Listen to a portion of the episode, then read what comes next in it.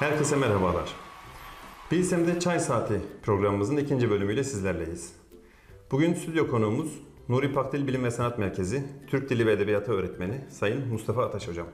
Hocam hoş geldiniz. Teşekkür ederim, hoş bulduk. Öncelikle size teşekkür ediyoruz programımıza katıldığınız için. Rica ederim. Benim Evet. için de bir zevk. Teşekkürler. Ee, Bugün Mustafa Ataş hocamla yine her zamanki gibi e, çay içeceğiz. Çayımız var. Sohbetimizi edeceğiz. Ve Mustafa hocamın da e, bilgilerinden, değerlendirmelerinden, deneyimlerinden istifade etmeye çalışacağız. Hocam öncelikle sizi tanıyabilir miyiz? Kendinizi tanıtır mısınız? İsmim sizin de söylediğiniz gibi Mustafa Ataş. 1981 Mersin doğumluyum.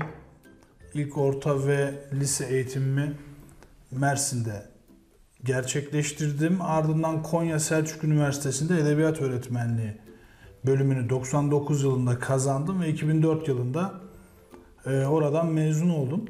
2008 yılında Kahramanmaraş Elbistan ilçesinde edebiyat öğretmenliği görevime başladım. O günden bugüne e, Kahramanmaraş'ta değişik ilçelerinde olmak üzere görev yapmaktayım.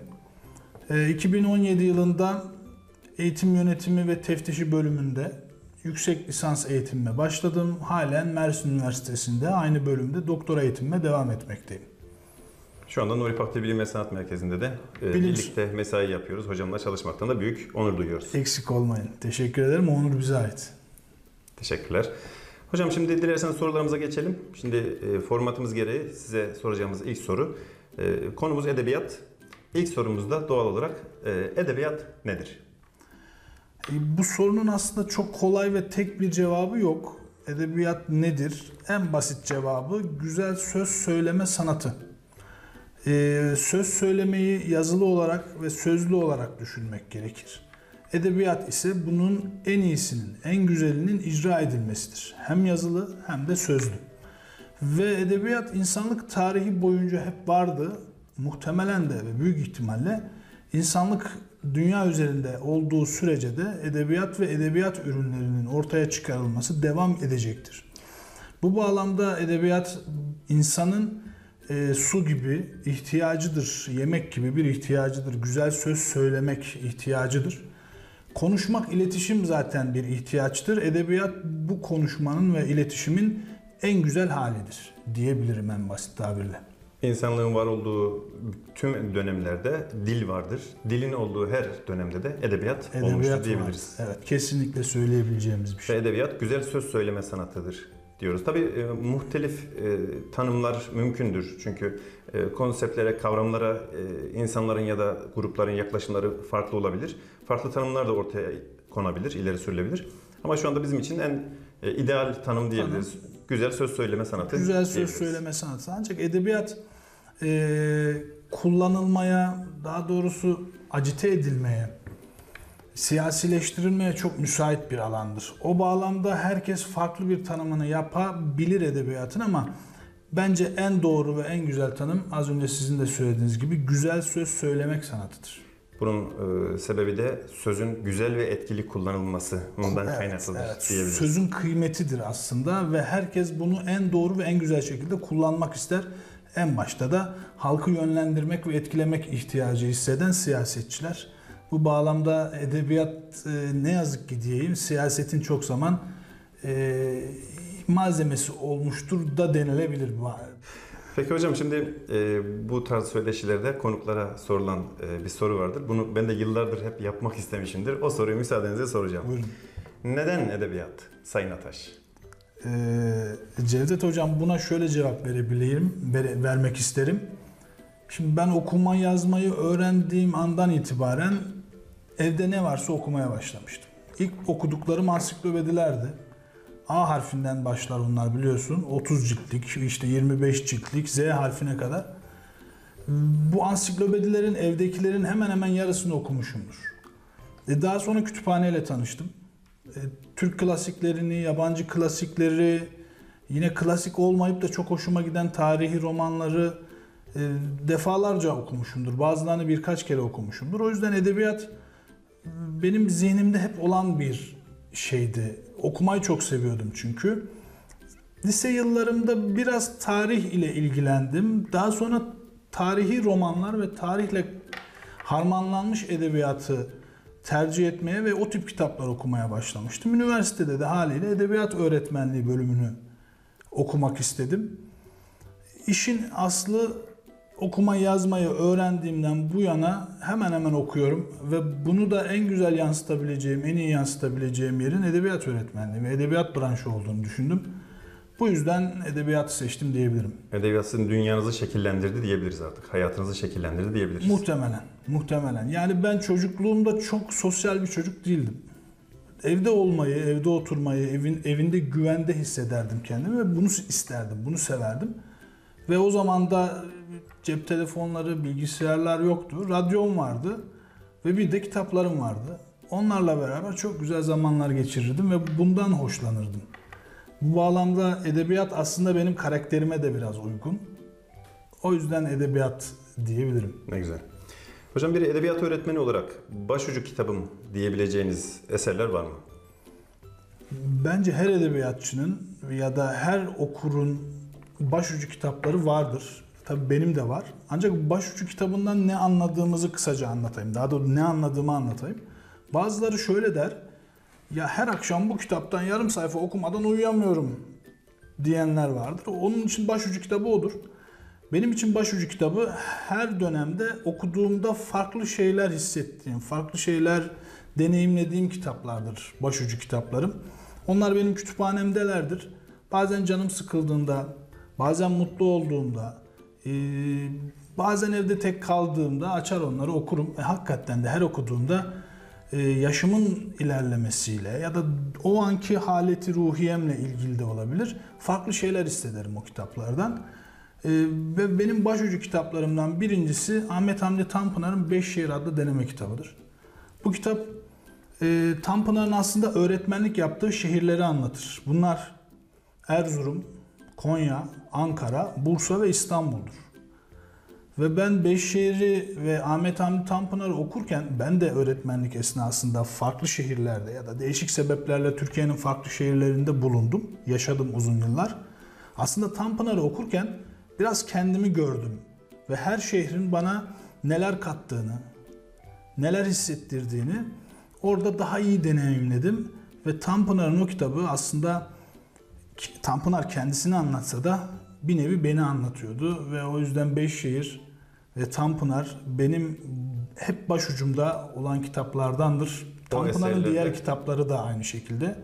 Özellikle Beşşehir döner döner okurum. Özellikle Konya bölümünü çok çok severim. Şöyle der, bir başkent her zaman başkenttir. Her zaman başkenttir. Ve ne kadar susturulmak istense de o konuşur der. Konya için harika bir cümledir. Yani sadece o cümle bile o kitabı okumak için yeterli bir sebeptir.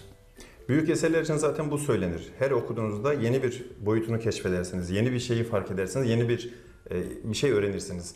Yani aynı kitabı tekrar okuyor olsanız da her seferinde deneyiminiz, hissiyatınız daha farklıdır. E, büyük eserlerle ilgili bu değerlendirme zaten sıklıkla yapılır.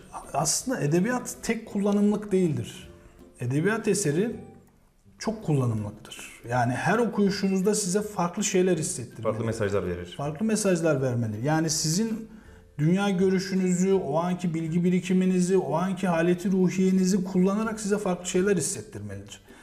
Ve bu edebiyat için geçerli ve iyi kitaplar, iyi şiirler, iyi romanlar için de geçerli aynı zamanda. Şöyle diyebilir miyiz? Büyük eserlerin, onlardan bahsediyoruz. Bir derinliği vardır. Evet. Her okuduğunuzda farklı bir katmanını Hissedersiniz. hissedersiniz, Onu yaşarsınız diyebiliriz Evet, evet, evet. Ne güzel. Ve bunu oluşturmak da düşündüğümüzden çok daha zordur aslında ve edebiyatçılarımız yıllarını verdiler bazı kitaplarına hatta bazı şiirlerine şöyle anlatılır. Yahya Kemal bir şiirinin tek bir kelimesi için 17 sene düşünmüş ve beklemiş. Serin Selviler Altında diye bir şi- şiirinde bir parça vardır. Serin Selviler Altında. Ee, Hafız'ın kabridir şiirin ismi. O serin kelimesini bir türlü bulamamış. İşte uzun selviler yazmış, güzel selviler yazmış, sarı yapraklı selviler yazmış, güz yapraklı selviler hiçbiri hoşuna gitmemiş. En son hatta şiiri de kendi aklından çıkmış, bırakmış muhtemelen bitiremedim diye. Sonra bir gün serin selviler kelimesini söylemiş ya da zihnine bir şekilde gelmiş o kelime ve 17 yıl sonra Aradığını ilk bulmuş. başladığındaki şiiri son haline getirip Tamamlayan yayınlamış. ifadeyi bulmuş. bulmuş evet. Yani büyük bir işçilik eseri. Zaten bizim her okuyuşumuzda farklı şeyler algılamamızın sebebi de o büyük işçiliktir. Gelişi güzel bir söz söyleme olayından bahsetmiyoruz ya da yazma Evet. olayından bahsetmiyoruz. Derinlikli bir şeyden bahsediyoruz. Evet. O Çünkü- anlamda da gerçekten kıymetli. Çünkü uzun selvinin çağrışımı farklı, serin selvinin çağrışımı çok daha farklıdır. Yani çünkü serin serinlik kelimesi bizim pek çok duygumuzu harekete geçirir. Uzunluk sadece görmeyle ilgilidir ama serinlik hem hissetme, hem hoşlanma, hem rahatlama pek çok duyguyu harekete geçirdiği için çağrışımı olan bir kelimedir ve oraya da tam oturur. O ağacın gölgesindeki o atmosferi, ferahlığı hepsini birden aktarabilen bir ifade olmuş. Tam Evet. yerini bulmuş yani. Evet. Çok güzel. Hocam e, ilk okuduğunuzda sizi en çok etkileyen kitap hangisiydi diye Evet. sorsak. Ee, hocam buna aslında verebileceğim tek bir cevap yok ama tek bir kitaptan bahsetmem gerekirse Jack London'ın Martin Eden diye bir romanı vardı. Hala var gerçi yani bir romanı var. Ben bu kitabı lise yıllarımda okumuştum. Az önce de bahsettim. Türk klasiklerini ve yabancı klasikleri lise yıllarımda bitirmiştim hemen hemen. Yani Halit Ziya Uşaklıgil'i, Peyami Safa'yı, Refik Halit Kara'yı, e, Mehmet Rauf'u sık sık okumuştum. Hala dönem dönem açar okurum. Yabancı klasiklerden Notre Dame'ın Kamburunu, Sefilleri hatırladıklarım, Monte Cristo Kontu'nu okumuş ve çok zevkle okumuştum bu kitapları. Ancak onlar içerisinde dediğim gibi Jack London'ın Martin Eden diye bir romanı var. Jack London aslında orada kendini anlatır. Martin hikayenin kahramanı, romanın kahramanı kendisine göre başarılı bir yazardır. Fakirdir. Kitaplarını yayınlatamaz. Okuduğu arkadaşları da moralini bozar. Olmamış derler. Güzel olmamış derler. Başaramamışsın. Başka bir iş yap derler. Ancak Martin ısrarla romanlarını yayınlatmaya ve meşhur bir romancı olmaya çalışır. Yıllarca uğraşır. Her gittiği yayın evinden kapıyı göstererek gösterdikleri halde ayrılır.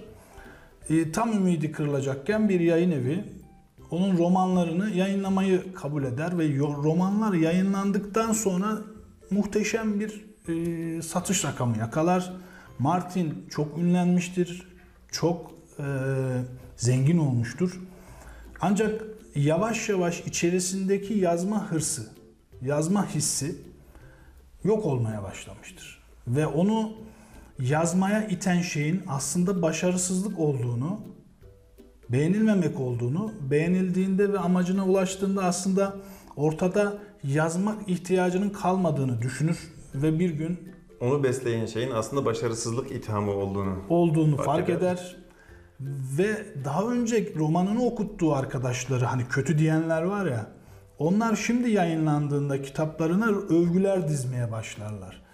Ve der ki aslında ben değişmedim. İnsanların bana olan bakışı değişti ve beni de motive eden aslında onların bana olumsuz bakışlarıymış. Beni e, benim onlara kendimi kanıtlama ihtiyacımmış der ve zenginlikten ve başarıdan sonra yazmak için bir gereğinin kalmadığını düşünür ve yazamayacağı bir dünyada da bulunmasının bir mana ifade etmediğini Kanaat getirir. söyler, kanaat getirir ve bir gün arkadaşlarıyla bir deniz sefasında, bir tekne sefasında kendini mavi sulara bırakır ve hayatına son verir. E, bu kitap ilk okuduğumda beni çok etkilemişti. Bir yazarın kendi ağzından kendi hayatını anlatmasıydı. Ha, Martin Eden gibi vefat etmiyor Jack London. E, Ancak muhakkak kafasında bir yerlerde de o düşünce vardı.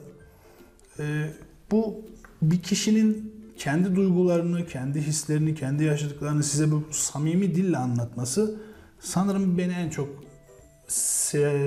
benim en çok sevdiğim durumlardan biriydi. O yüzden bu soru için o Martin Eden romanını söyleyebilirim. Zamanı olanların da kitabı okumasını tavsiye ederim. Ee, bir diğer soruyla devam edelim hocam dilerseniz. Edebiyatın hangi dönemine daha yakın hissediyorsunuz kendinizi? Siz edebiyatın hangi dönemine daha yakınsınız? E, şimdi hocam bunu şu döneme yakınım desem herhalde diğerinin gönlü kalacaktır. Haksızlık olur. Haksızlık olacaktır ama ben birini söyleyeyim. Şimdi bizde Türk Edebiyatı 3 bölümde incelenir. İslam öncesi, İslam sonrası ve Cumhuriyet dönemi. Daha doğrusu Batı etkisindeki edebiyat. En kolay takip edilen ve bizim dünyamıza en yakın olması sebebiyle Ben Batı etkisindeki Türk Edebiyatı'na biraz daha yakınım. O da işte Tanzimat, Servet-i Fünun, Fecraati, Milli Edebiyat, Cumhuriyet Edebiyatı diye devam eder. Cumhuriyet Edebiyatı'nın içerisinde bir ikinci yeni şiiri vardır. Muğlak, kapalı, ne anlattığı belli olmayan ama az önce Yahya Kemal'in şiirinde de verdiğim gibi çağrışımlarla e, dolu bir şiirdir ikinci yeni şiiri. Ve ben onu çok severim.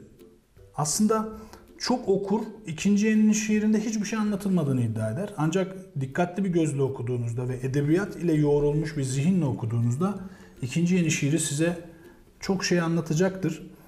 Şimdi ikinci yeni şiirinden size bir örnek vermek istiyorum. İlhan Berk'in Ne Böyle Sevdalar Gördüm Ne Böyle Ayrılıklar şiiri şöyle başlar. Ne zaman seni düşünsem bir ceylan su içmeye iner, çayırları büyürken görürüm der.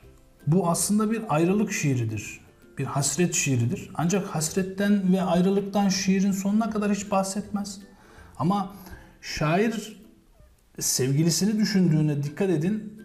Bir çayır, o çayırın içerisinde su içmeye inen ceylanlar.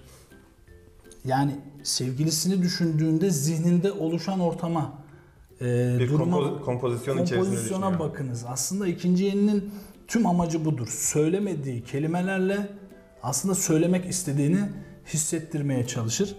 Harika şiirler vardır.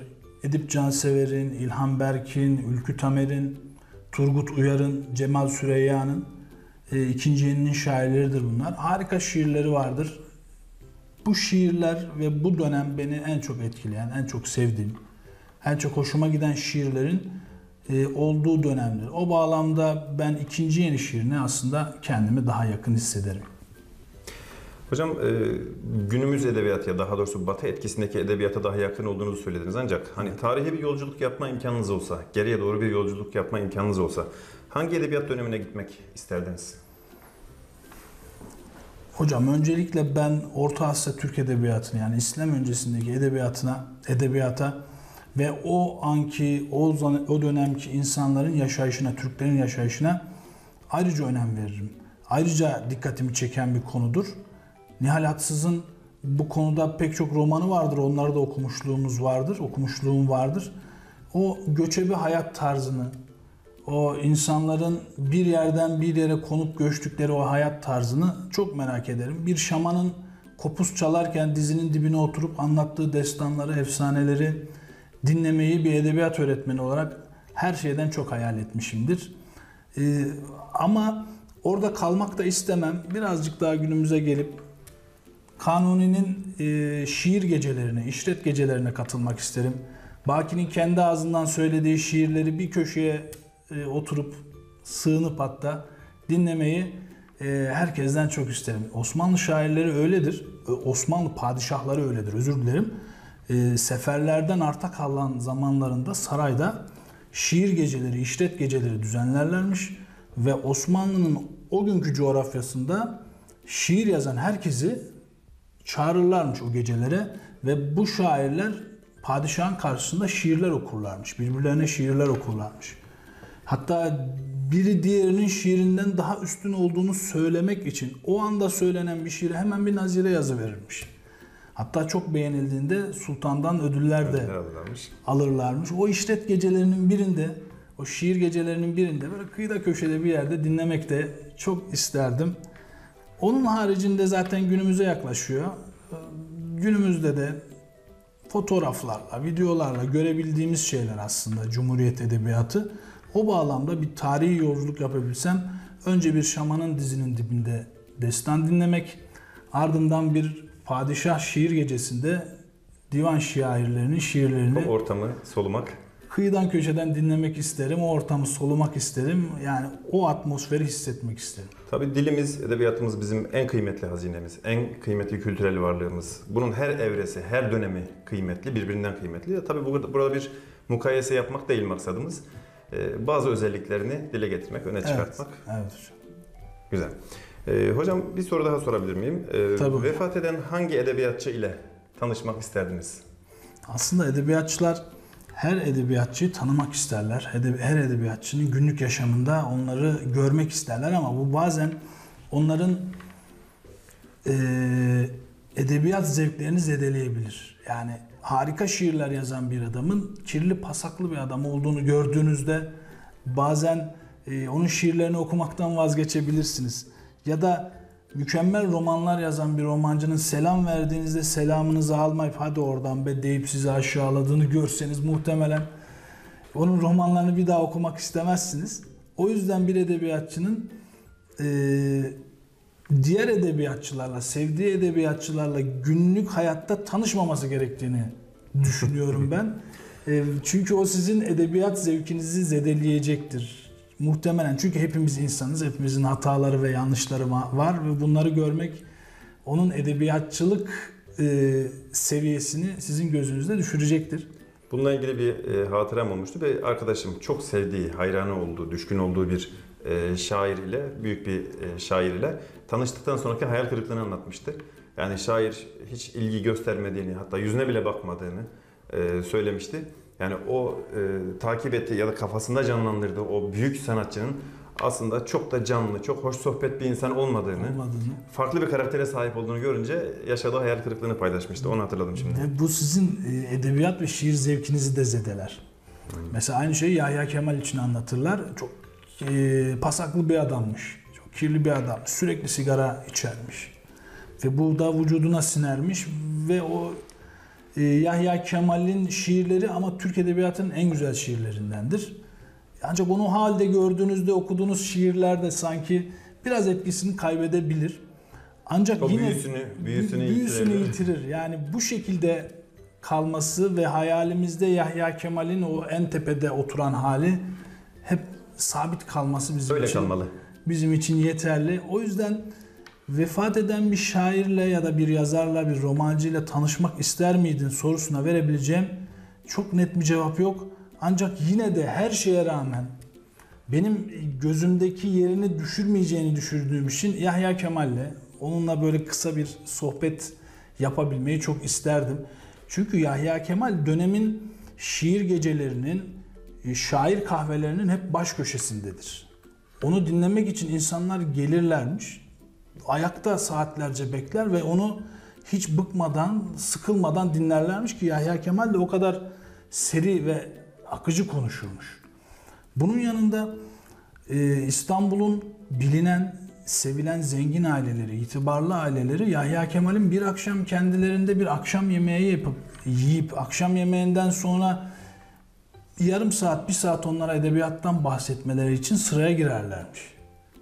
E, Ben de o bir akşam yemeğinde bir mercimek çorbasına talim edip Yahya Kemal'i dinlemeyi de çok isterdim. Ki Yahya Kemal bizim edebiyatımızda çok ayrı bir yerdedir. Yani Osmanlı'da doğmuş, Türkiye Cumhuriyeti'nde ölmüştür. Eski ile yeninin tam ortasındadır ve İstanbul'u her şeyden çok sever. Sana dün bir tepeden baktım aziz İstanbul.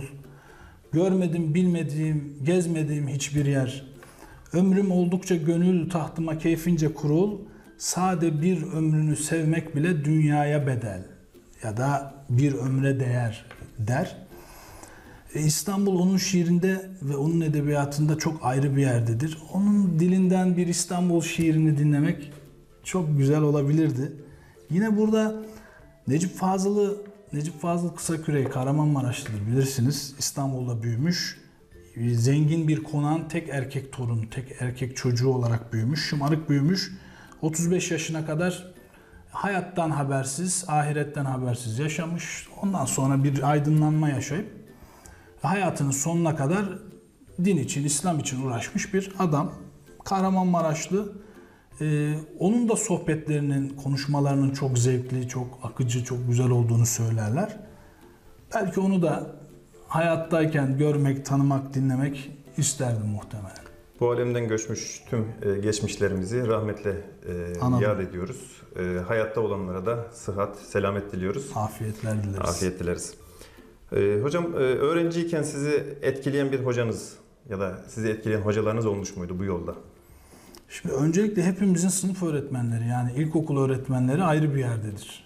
Muhakkak. Bilirsiniz yani hala ismini, soy ismini hatta varsa çocuklarının ismini bilirsiniz. Anlattığı derslerdeki bazı estantaneler hala zihninizde kazıldır. size kızdığı, başını okş- başınızı okşadığı, sizi sevdiği enstantaneler. O açıdan benim ilkokul öğretmenim Sıdıka Yıldız hocam yani eğitime ilk başladığım andan son ana hatta şu ana kadar zihnimde olan hocamdır. Tabi ortaokulda biraz öğretmenler bizden uzaklaşıyor. Sayıları artıyor, sınıflar kalabalıklaşıyor. Lisede de benzeri şekilde. Ancak üniversitede bir Kemal Kahramanoğlu hocamız vardı, eski Türk Edebiyatı hocamız. Ee, onun derslerinden çok etkilenirdik. Çok severdik onu ve o bize şiir tahlil etmenin, şiiri anlamanın, şiiri yorumlamanın ne demek olduğunu anlattı, öğretti. E, o bağlamda sınıf öğretmenimi yani Sıdıka Yıldız hocamı ve Kemal Kahramanoğlu hocamı burada ayrı bir parantezde zikretmek isterim. Tüm öğretmenlerimizi de e, göçenlere rahmet diliyoruz. Kalanlara, Kalanlara sağlık, selamet, sıhhat dileriz. E, hocam son olarak e, edebiyatla ilgili konuştuk. E, neden öğretmenlik e, boyutunu sizin hayatınızda yer etti? Neden öğretmenlik ve neden bilim sanat merkezi? Bir de bundan bahsedelim son olarak isterseniz. Tamam hocam. Şimdi ben 1996 yılında Mersin Anadolu Öğretmen Lisesi'ni kazanmıştım. Öğretmen Lisesi'ne ilk adım, attığımdan beri aklımda hep öğretmenlik vardı. Yani hem öğretmenlerimiz bizi öyle yetiştiriyor ve yönlendiriyorlardı. Hem ailemiz artık öğretmen lisesindesin, öğretmen olarak devam edeceksin diyorlardı. Yani benim öğretmenlik maceram 1996 yılında henüz 15 yaşındayken başladı. Yani biz o okulda eğitime giriş, eğitim bilimleri, ölçme değerlendirme gibi pek çok e, şimdi üniversite sonrasındaki formasyon eğitiminde verilen dersleri aldık. Yani bir öğretmen olarak yetiştirildik. Çok erken hazırlandınız belki öğretmenlik Erken hazırlandık. Evet yani bir stajımız eksikti. Yani lise yıllarında bir öğretmen olarak bir okulda staj yapsaydık bile olabilirdi belki. Zaten öyle bir süreç başladığı anda öğretmen liselerinde e, öğretmen olacağım duygusu, düşüncesi hasıl olduğu andan itibaren öğretmenlerinizi daha farklı bir motivasyonla inceliyorsunuz, analiz ediyorsunuz, Evet. çıkarımlar yapıyorsunuz. Evet. Nasıl bir öğretmen olacağınıza zaten kendinizi hazırlamaya başlıyorsunuz Evet, hemen. yani oradaki hocalarımızın rol model olmaları bizim için önemliydi ve diyorduk ki biz işte şu hocam gibi bir öğretmen olacağım diyorduk. Ya da Olacağız şu hocamın şu özelliğini ben tekrar etmeyeceğim. Mesela daha olabilir. Evet. barışık yani olmadığımız bir yönü varsa da Evet. mesela bunu takip etmeyeceğim, bunu almayacağım diye. diye zihnimizde bir liste hazırlamıştık. Aslında bu çok ciddi bir hazırlık süreci. Evet yani çünkü yani biz üniversiteye başladığımızda öğretmen lisesi mezunu olmamızdan dolayı e, bir öğretmenlik motivasyonu ve enerjisi vardı bizde. Doğal olarak zaten Yani, yani oluşmuştu. oluşmuştu zaten çünkü yaşadığımız aldığımız eğitim atmosferinden aldığımız oksijen hava bize onu dayatıyordu. Başka bir ihtimal ve başka bir şansımız yoktu aslında.